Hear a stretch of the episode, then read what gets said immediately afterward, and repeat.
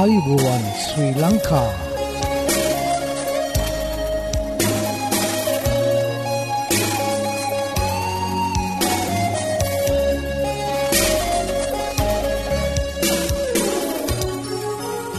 ඔබට සුපදවස මේ ඇඩවෙන්ටිස් වර්ල් රේඩියෝ බලාපොරොත්වය හඬයි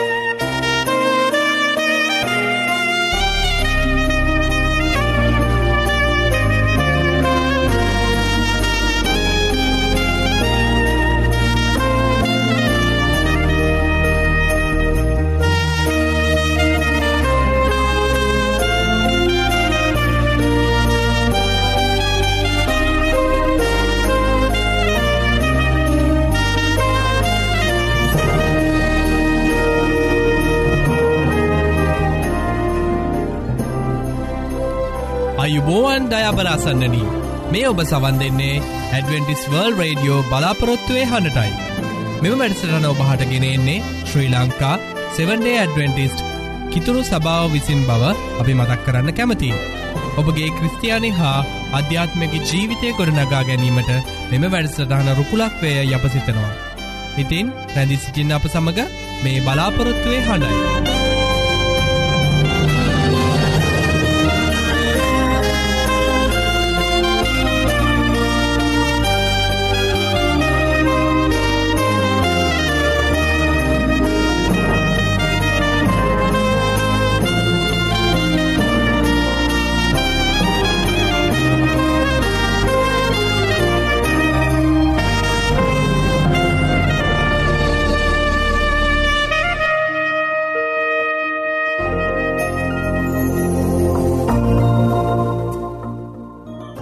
අද දිනේ බයිබල් පාටය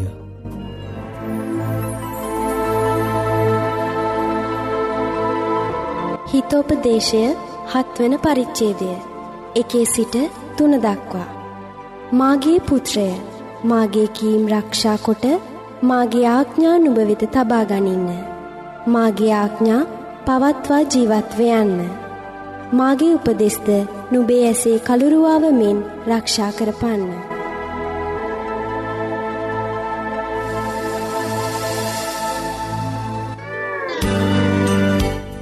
ආයුබෝවන් මේ ඇඩවෙන්ටිස් වර්ල් රේඩියෝ බලාපොරොත්වය හඬ. ධෛර්ය බලාපොරොත්තුව ඇදහිල්ල කරුණාවසහ ආදරය සූසම්පති වර්ධනය කරමින් ආශ් වැඩි කරයි. මේ අත්හදා බැලිමිට ඔබ සූදානන්ද එසේනම් එකතුවන්න ඔබත් ඔබගේ මිතුරන් සමගින් සුවසතර පියමත් සෞඛ්‍ය පාඩම් මාලාවට. මෙන්න අපගේ ලිපිනය ඇඩවෙන්ඩිස්වල් රේඩියෝ බලාපොරොත්තුවේ අඩ තැපැල් පෙටිය නම්සේපා කොළඹ තුන්න.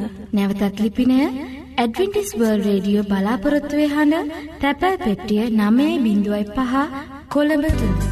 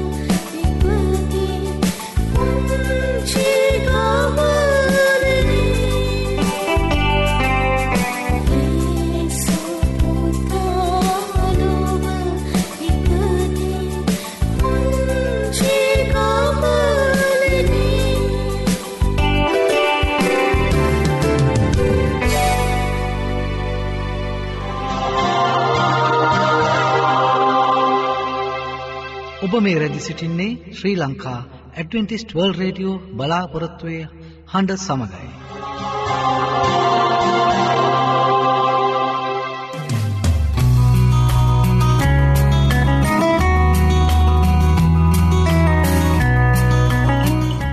ඉතින් අසන්නනී ඔබලාට සූතිවන්ත වෙනවා අපගේ මෙම මැඩිසටාන් සමඟ එක්වී සිටීම ගැන ඇතින් අපි අදත් යොමුුවම අපගේ ධර්මදේශනාව සඳහා අද ධර්මදේශනාව ඔබහටගෙනෙන්නේ විලීරීත් දේවගෙදතුමා විසින් ඉතින් ඔහුගෙනන ඒ දේවවාක්‍යයට අපි දැන් යොමු රැඳදි සිටින්න මේ බලාපොරොත්තුවය හඬ.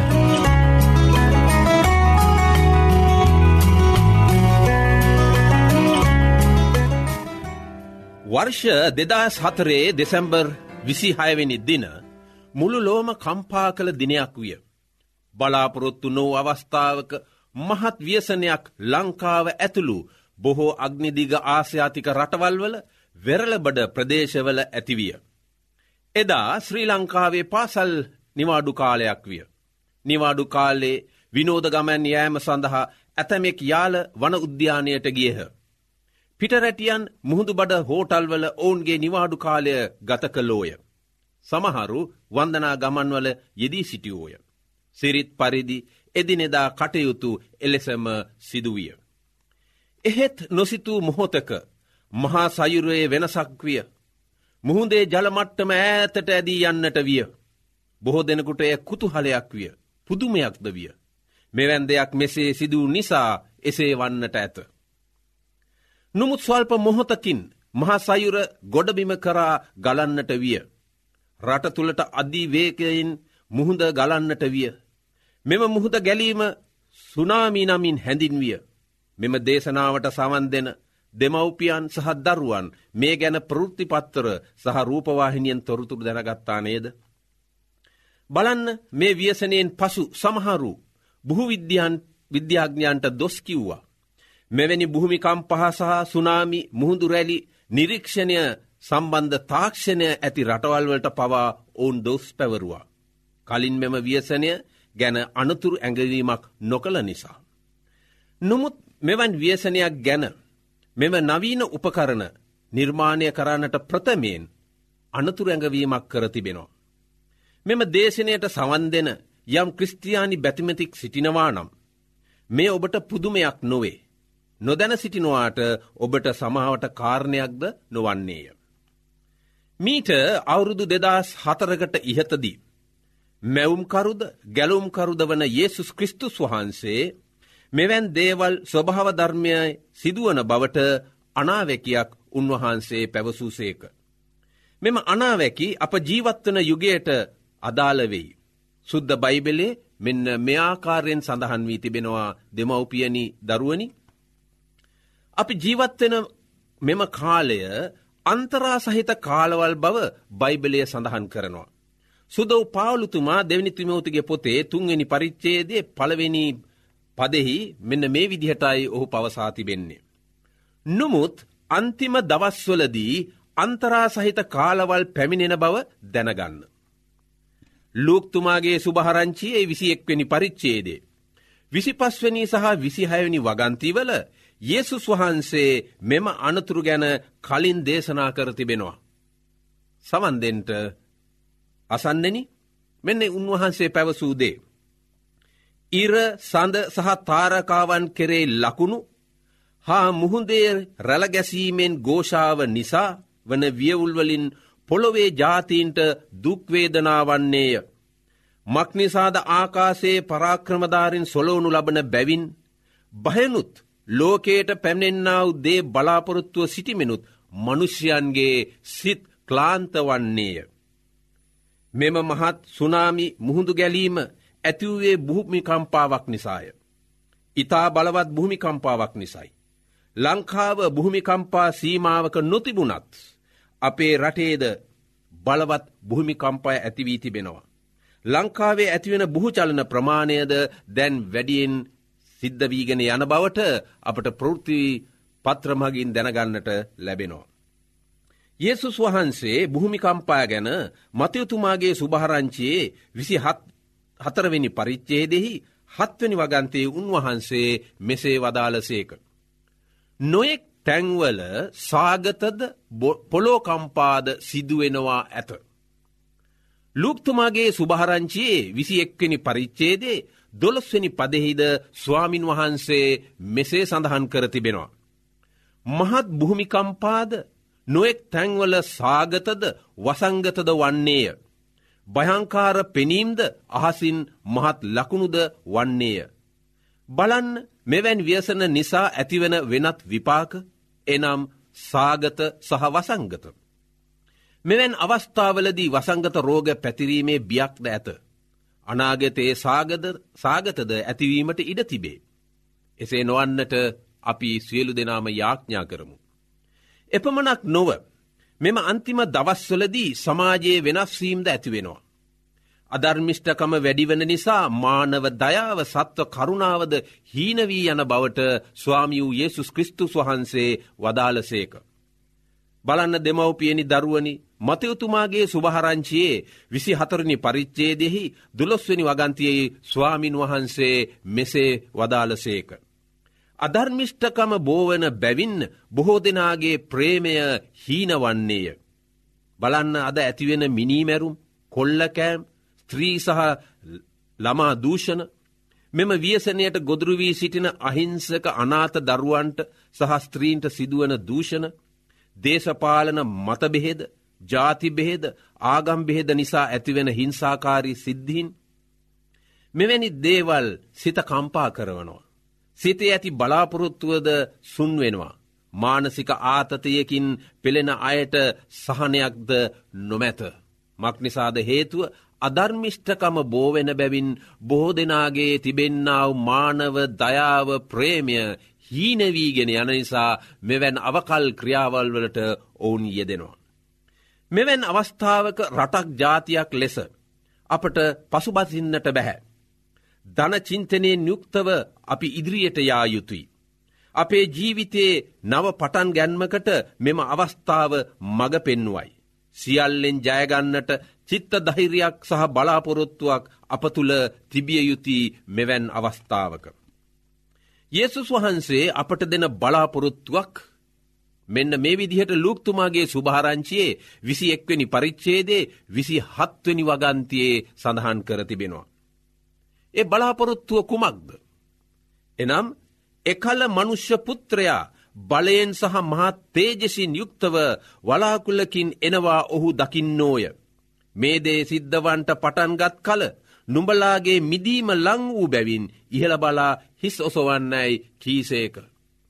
මෙවැන් කරදර ලෝකයේ ඇතිවෙන්නව අවස්ථාවේදී. ස්වාමියූ යේසුස් කෘස්තුස් වහන්සේගේ දෙවැනි පැමිණීමේ බලාපොරොත්තුව කෙරෙහි අපේ සිත යොමු කරමු. මෙයයි අප සත්තු ආශිර්වාදලත් බලාපොරොත්තුව. යේසුස් වහන්සේ තවද මෙසේ වදාලසේක. මතයුතුමාගේ සුභහරංචියයේ විසි හතරනි පරිච්චේදේ දහතුන්ගෙන වගන්තියේ මෙසේ තවදුරටත් සඳහන් වී තිබෙනවා.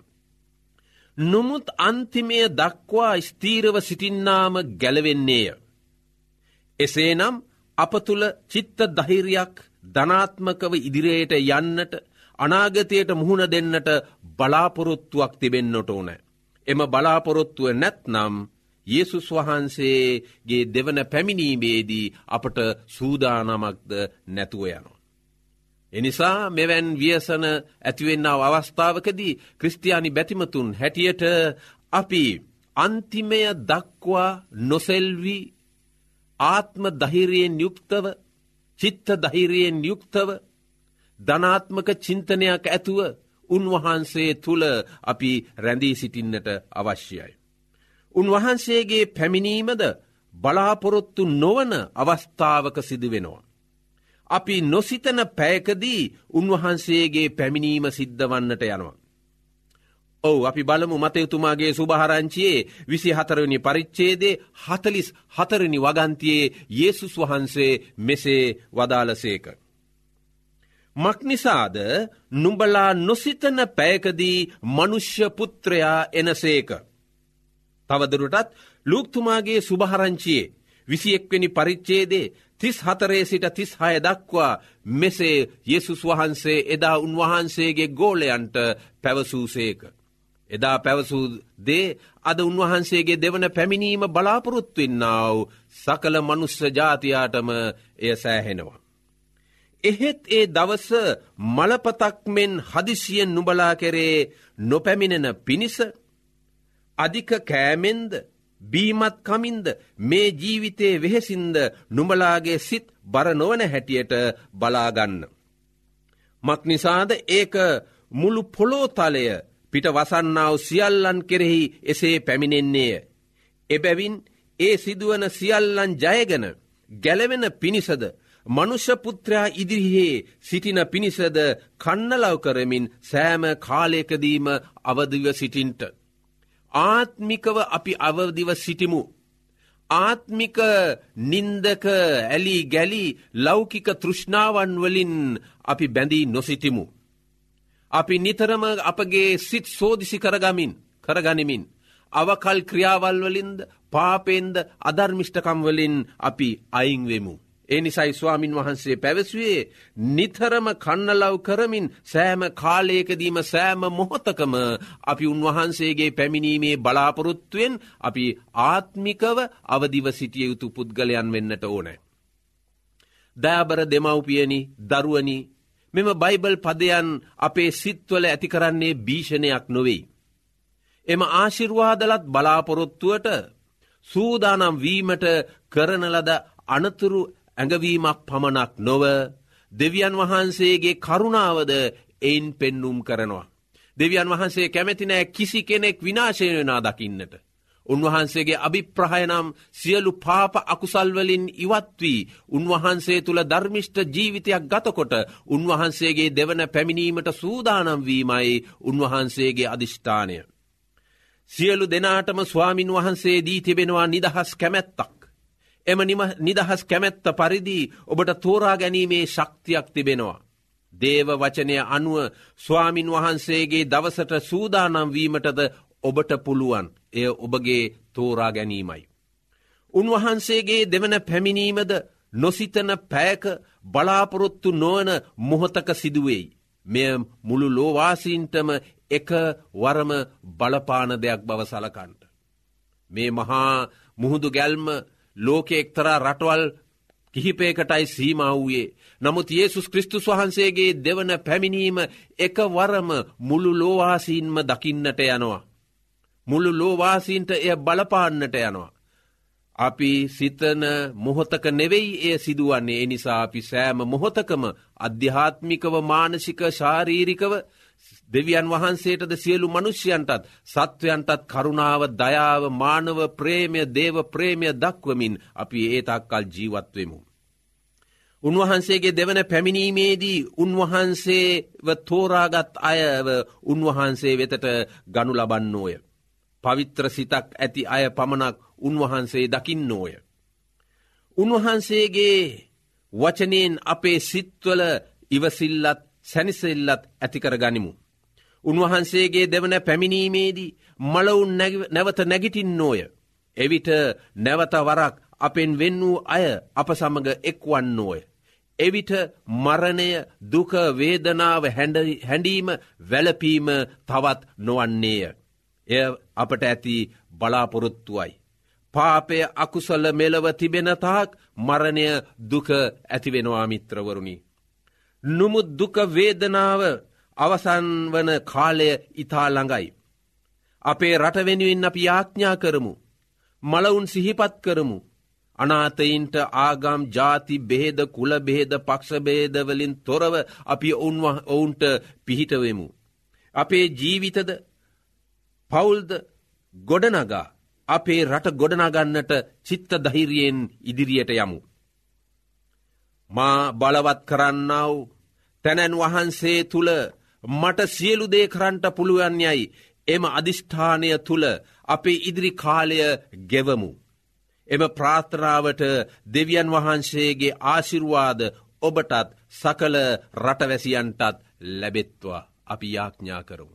මහොත්තම දෙවි සමිධානනි මැවුම්කාර ගැලුම්කාර දෙවි සමිධානනි මේ වියසනය නිසා අපේ රටේද අසල්වාසී රටවල්වල ඇතිවූ මහත් වූ දුක් සහිත අවස්ථාවෙන් පීඩාවිනින්නාව සියලුම ආගම්වලට ජාතිවලට අයත් සියලු දෙනාට මොබහන්සේගේ කරුණාව ලැබෙත්වා.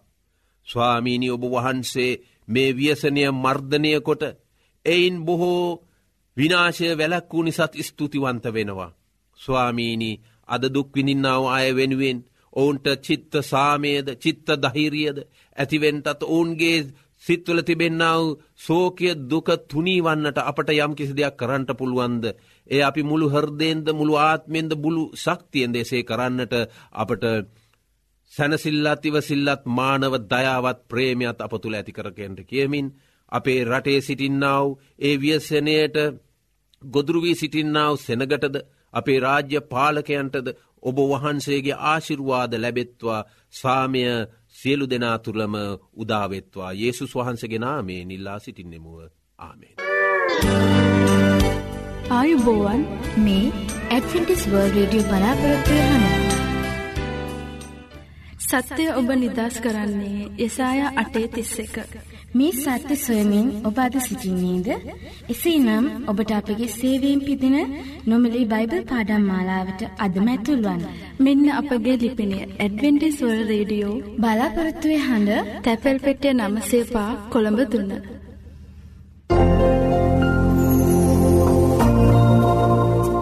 අපේ මෙ වැඩසටාන තුළින් ඔබලාට නොමිලේ ලබාගත හැකි බයිබල් පාඩං හා සෞඛ්‍ය පාඩම් තිබෙනවා. ඉතිං ඔබලා කැමතිනං ඒවට සමඟ එක්වෙන්න අපට ලියන්න.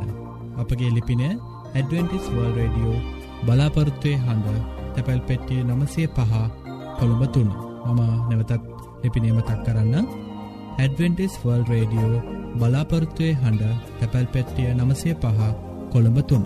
ඒ වගේ මොබලාට ඉත්තාමත් සූතිවන්ත වෙනවා අපගේ මෙම වැඩසිරාණ දක්කන්නාව ප්‍රතිචාර ගැන අපට ලියන්න අපගේ මේ වැඩසටාන් සාර්ථය කර ගැනීමට බලාගේ අදහස් හා යෝජනාවට අවශ්‍ය. අදත් අපගේ වැඩසටානය නිමාව කරාලඟාවී තිබෙනවා ඉතිං පුරා අඩහෝරාව කාලයක් අප සමඟ රැඳී සිටිය ඔබට සෝතිවන්ත වෙන අතර හෙටදිනියත් සුපුරෝධ පරිති සුපුරෘදු වෙලාවට හමුවීමට බලාපොරොත්තුවයෙන් සමුගන්නාම ක්‍රස්තියකනායක. ඔබට දෙවියන් වහන්සේකි ආශිර්වාදය කරනාව හිමියේවා.